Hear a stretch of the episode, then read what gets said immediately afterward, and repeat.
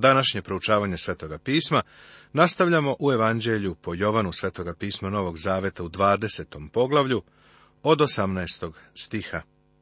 Naslov je Javljanje učenicima. Marija Magdalina dođe i javi učenicima da je videla gospoda i da joj je ovo rekao. Onoga dakle prvoga dana nedelje uveče, kada su bila zatvorena vrata, gde su bili učenici zbog straha od judeja, dođe Isus, te stade na sredinu i reče im, mir vam. Ova grupa ljudi se raštrkala kada je Isus bio razapet. Ali sada su se očigledno ponovo okupili i sakrili u ovoj sobi jer su preplašeni. Vrata su bila zatvorena, odnosno zaključana. Da li si primetio da kada nadprirodno dotakne prirodno, Poruka je uvek mir ili ne boj se. Sada, kada njegovo božanstvo dotiče njihovu ljudskost, Isus im upućuje reč mir. Ovo je mir koji potiče od toga što su opravdani verom kroz gospoda Isusa Hrista, a to nam daje mir sa Bogom. Vidiš, ovde su ga prepoznali kada su ga ugledali. Ovi ljudi su bili uplašeni, naravno on im se pojavljuje u proslavljenom telu i ulazi u sobu, iako su vrata zaključena. Iz ovoga saznajemo da proslavljeno telo nije potčinjeno zakonima materijalnog sveta. Zato verujem da kada dođe do uzdignuća crkve sa zemlje i kada se naša tela promene, bez problema ćemo se susresti sa gospodom u oblacima. Ovo reče i pokaza im ruke i rebra. Na to se učenici obradovaše što su vidjeli gospoda. Obrati pažnju na ovo. Iako je Isus bio u proslavljenom telu, ima ožiljke od eksera na rukama i proboden bok. Neobična je sličnost između ovog i tela koje je prikovano za krst. Tu su ožiljci. Verujem da na našim telima neće biti ožiljaka. Mislim da su na Hristovom telu ožiljci zato što je te ožiljke dobio radi nas. Bio je ranjen za nas, da bismo ti i ja izašli pred Boga bez mane i krivice. Uzeo je naše grehe i ti ožiljci će kroz celu večnost biti dokaz za to. Tada im Isus opet reče, mir vam. Kao što je otac poslao mene, i ja šaljem vas. Mislim da se gospod ovdje ne ponavlja, da ne čini samo to. Mislim da je ovdje reč o drugačijem miru. U devetnaestom stihu je bio mir izbavljenja, mir sa Bogom. Iskupljenje je završeno. To je mir, opisan u Evanđelju po Mateju u 11. poglavlju, u 28. stihu. Dođite k meni svi koji ste umorni i opterećeni i ja ću vas odmoriti. Ovo je odmor iskupljenja, mir iskupljenja. Postoji još jedan mir. To je mir onih koji su u zajedništvu sa Bogom i koji čine njegovu volju. Ovaj mir je opisan u Evanđelju po Mateju 11. poglavlju u 29. stihu. Uzmite moj jaram na sebe i naučite od mene, jer ja sam krotak i smeran u srcu i naći ćete odmor u svojim dušama. Iskupljenje je sada završeno. Sada ih Hristos šalje, kao što je otac njega poslao u svet. On je to već prethodno spomenuo u svojoj molitvi. Kao što si ti mene poslao u svet, poslah i ja njih u svet, kaže Jovan u 17. poglavlju u 18. stihu svog evanđelja. Rekavši to, nadahnu ih i reče im, primite duha svetoga. Ovaj istorijski period je doba prelaska između zakona i blagodati. U životu ovih ljudi je postojao jedan interval, kao i u službi gospoda Isusa. Interval između njegove smrti i vaskrsenja i dana Pentekosta. Ovo je jedinstveno vreme u svetskoj istoriji. Gospodim je o molitvi govorio još u evanđelju po Luki u 11. poglavlju. Rekao im je da ako nešto budu tražili, to će im se i dati. U 13. stihu tog poglavlja Isus kaže da posebno govori o daru Svetoga Duha, koji će Otac dati onima koji budu tražili. Ali koliko mi možemo reći, oni nikada nisu tražili. U Evanđelju po Jovanu u 14. poglavlju, u 16. stihu Isus kaže i ja ću moliti Oca, pa će vam dati drugog pomagača utešitelja da bude sa vama do veka. Istina je da je Simon Petar pokazao izvesnu oštruumnost kada je rekao da Isus jeste Hristos, ali samo nekoliko minuta kasnije rekao je gospodu da ne ide na krst da umre. Lično verujem da su oni bili obnovljeni u onom trenutku kada je gospod dunuo na njih, ili nadahnuo ih i rekao primite svetoga duha. Pre ovoga duh Boži nije prebivao u njima. Ovaj izraz nadahnuo ili dunuo na pojavljuje se samo još jednom u Svetom pismu. U prvoj knjizi Mojsijevoj u knjizi Postanja Bog je dunuo u Adama dah životni. Verujem da je ovdje Isus udahnuo u ove ljude večni život, tako što im je dao Božjega duha. Ovo će ih održati i osigurati u toku tog intervala između Hristovog vaznesenja i dolaska Svetoga Duha na dan Pentekosta. Na dan Pentekosta Sveti Duh će doći i oni će se krstiti duhom u telo Hristovo. Biće i ispunjeni silom sa visine. Tog dana će se ustanoviti crkva. Od tog dana pa sve do danas Sveti Duh je na svetu on prebiva u verniku i svakog vernika krštava u telo Hristovo. Kojima oprostite grehe, opraštaju im se. Kojima zadržite, zadržani su. Ovo je značajan stih koji se vrlo pogrešno tumači. Jean Calvin piše, kada Hristos apostolima nalaže da opraštaju grehe, on ne prenosi na njih ono što je karakteristično samo za njega. Samo on, oprašta grehe. Radi se o tome da im on nalaže da u njegovo ime obznanjuju opraštanje greha. Nigde u delima apostolskim, kao ni u poslanicama, ne nalazimo ni jedan slučaj da neki apostol bilo kome oprašta grehe. Oni svuda odlaze, objavljuju oproštenje greha. Dozvoli da ti postavim pitanje. Šta to oprašta grehe? Čak ni Bog ne može proizvoljno da oprosti grehe. Oproštenje greha se dešava samo i jedino kroz krv Isusa Hrista. Još tamo u starom zavetu oproštenje greha se zasnivalo na činjenici da će Hristos doći i umreti. Bog je u starom zavetu spasavao, tako da kažemo, na kredit, sve dok Hristos nije došao i platio kaznu. Danas Bog oprašta naše grehe kada uzverujemo da je Hristos umro za njih. Kako ti i ja opraštamo grehe? Govoreći evanđelje. Ovo je najveći posao koji možemo uraditi. Kada se neko obratio i uzverovao u Isusa, još dok je Isus bio na zemlji, to je bilo divno. Ali, kako je zadivljujuće kada ti ili ja jednostavno saopštavamo Božju reč i neko doživi novo rođenje i postane novo stvorenje u Isusu Hristu. Kojima oprostiste grehe, oprašta im se.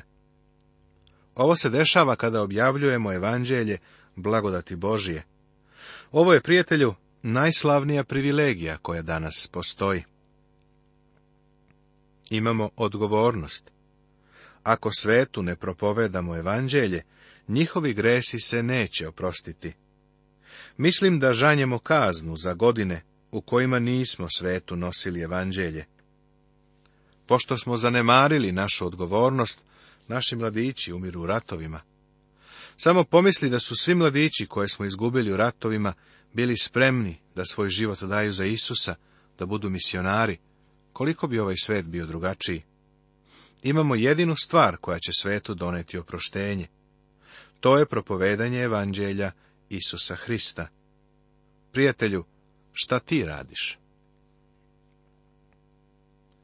Javljanje Tomi A Toma, zvani Blizanac, jedan od dvanaestorice, ne beše s njima kada je Isus došao. Samo mogu da pretpostavim zašto Toma nije bio tamo. Mislim da je bio Vuk samotnjak i čovek koji je u sve sumnjao. Sve je zavijao u neku tamu. Verujem da je ostalih deset učenika uzbuđeno razgovaralo o Isusu, koji je ustao iz mrtvih, a da Toma u to prosto nije verovao. Stoga mu drugi učenici rekoše, vidjeli smo gospoda, no on im reče. Ako ne vidim ožilja kod klinova, na njegovim rukama i ne stavim svoj prst u ranu od klinova i ne stavim svoju ruku u njegova rebra, neću poverovati. Čoveče, kakav je on, sumnjičavi čovek. Ima dovoljno dokaza da postane vernik, ali nije. Ali makar ostaje sa ostalim učenicima. Prijatelju, ako želiš da rasteš u blagodati, morat ćeš da dođeš i budeš sa svetim ljudima i da sa njima zajedno rasteš. Verujem da želiš da sa drugima podeliš ono što saznaješ i učiš iz gospodnje reči. Da ne ostavljamo svoje skupštine kao što neki imaju običaj, nego da bodrimo jedni drugoga utoliko pre, ukoliko vidite da se približava sudni dan, kaže deseto poglavlje, 25. stih, poslanice jevrejima. Treba da se okupljamo, da bismo zajedno rasli. I posle osam dana opet su njegovi učenici bili unutra, a Toma sa njima. Vrata su bila zatvorena. Isus dođe, stade na sredinu i reče, mir vam. Zatim reče Tomi, pruži svoj prst ovde i vidi moje ruke, i pruži svoju ruku, pa je stavi u moja rebra. I ne budi neveran, nego veran. Toma odgovori i reče mu, gospod moj i bog moj. Ovaj izveštaj nam ne kaže da je stvarno Toma posegao rukom i dotakao Isusa. Nije ni morao. Znam da danas mnogi kažu, samo kada bih ga video, samo kada bih ga dotakao, tada bih verovao.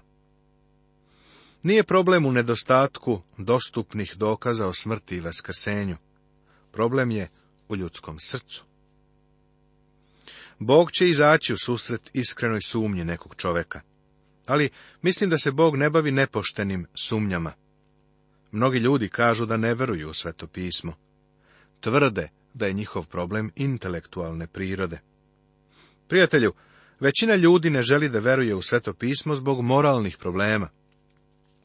Jedan čovjek mi je pre neki dan rekao da ne veruje u stari zavet. Kasnije sam saznao da živi u preljubi. Stari zavet kaže ne čini preljube. Druga knjiga Mojsijeva, 20. poglavlje, 14. stih. On dakle ne želi da veruje u stari zavet. Međutim, siguran sam da će Bog uvek susresti iskrenog čoveka koji sumnja. Nikada nećeš naći uzvišenije svedočanstvo od ovoga koje je Toma dao.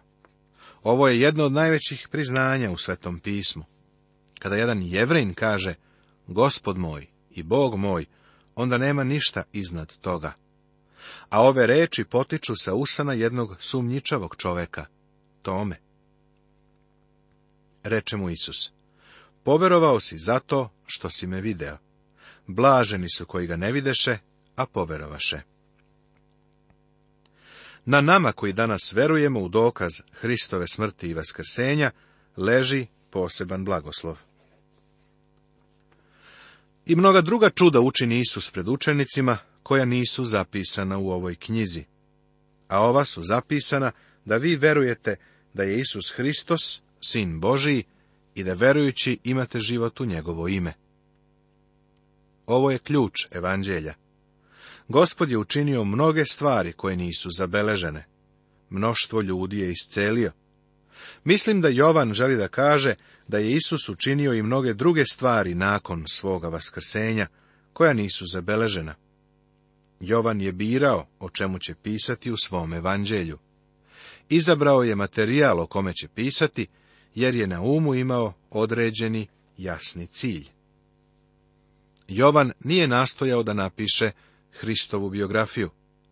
Nije se trudio čak ni da popuni Hristov život u oblastima koja nisu spominjena u ostalim evanđeljima. Pisao je tako da možeš verovati da je Isus Hristos sin Božiji i da verujući imaš život u njegovo ime. Istina je da verujući primaš život i da bivaš na novorođen.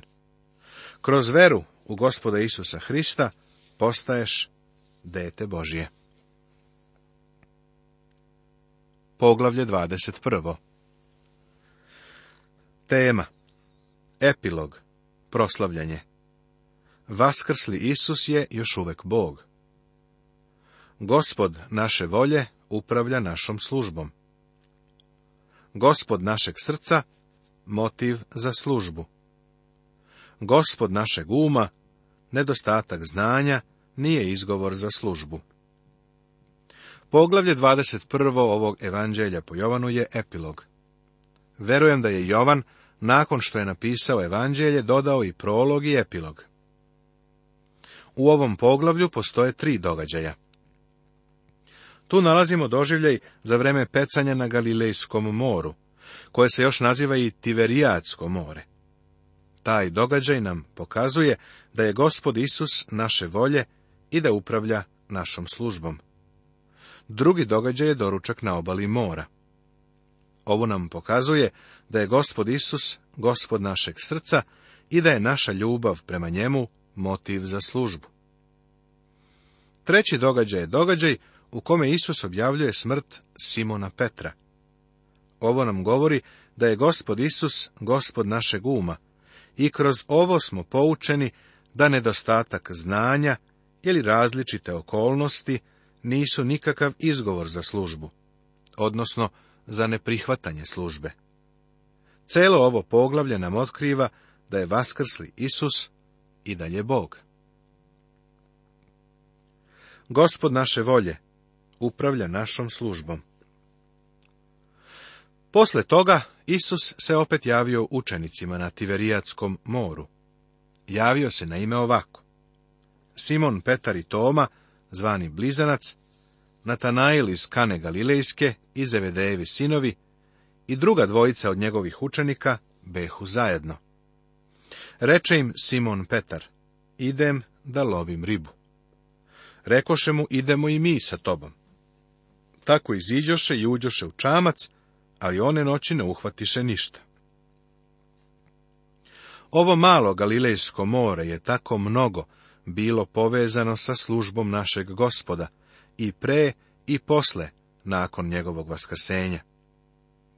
Ovo je vrlo poznato mesto ovim ljudima. Isus im je rekao da odu gore u Galileju i da će ih tamo sresti. Oni su tamo otišli i čekaju ga. Ovde, dakle imamo jednu neobičnu i zanimljivu grupu. Volim da ih nazivam konvencijom ili skupom problematične dece. Tu je Simon Petar vatren, ali slab, toplog srca, ali se udaljio. Impulsivan je, nagao i afektivnog ponašanja. Zatim tu je Toma, izuzetan skeptik koji za sve ima pitanje. Natanail, šaljivđija, koji je ustao na početku bio i sumnjičav. Zatim tu su sinovi Groma, Jakov i Jovan, i još dvojica čija se imena ne spominju. Pošto je ovdje grupa problematične dece, oni verovatno predstavljaju i nas. Mnogi vredni komentatori osuđuju ove ljude što su otišli da love ribu. Pa gospod ih nije prekorio, kada im se pojavio. Bili su u Galileji po njegovoj zapovesti. Bilo je proleće vreme pashe. Topli lahor sa juga je pravio talasiće blizu obale i penu na talasima na morskoj pučini. Okolna brda su bila zelena. Divljeg cveće je bilo u izobilju. Taj prizor sam video pre nekoliko godina, nekoliko dana posle uskrsa. Mislim da je sve to bilo mnogo lepše pre 2000 godina. Oni su verovatno čekali i čekali da gospod dođe. Petar je verovatno postao nestrpljiv i nakon što je šetao amo i tamo gledajući dole, gore niz obalu, sigurno je bio to on koji je rekao, ja idem da lovim ribu. Ostala šestorica su mu se pridružila. Lovili su cele noći i nisu ništa ulovili. Ovo je verovatno jedina prava ribolovačka priča ikada ispričana. Doktor Skic je naziva neuspehom stručnjaka. Znači ovako, ovi ljudi su lovili cele noći i nisu ulovili ništa. Nastavit će se.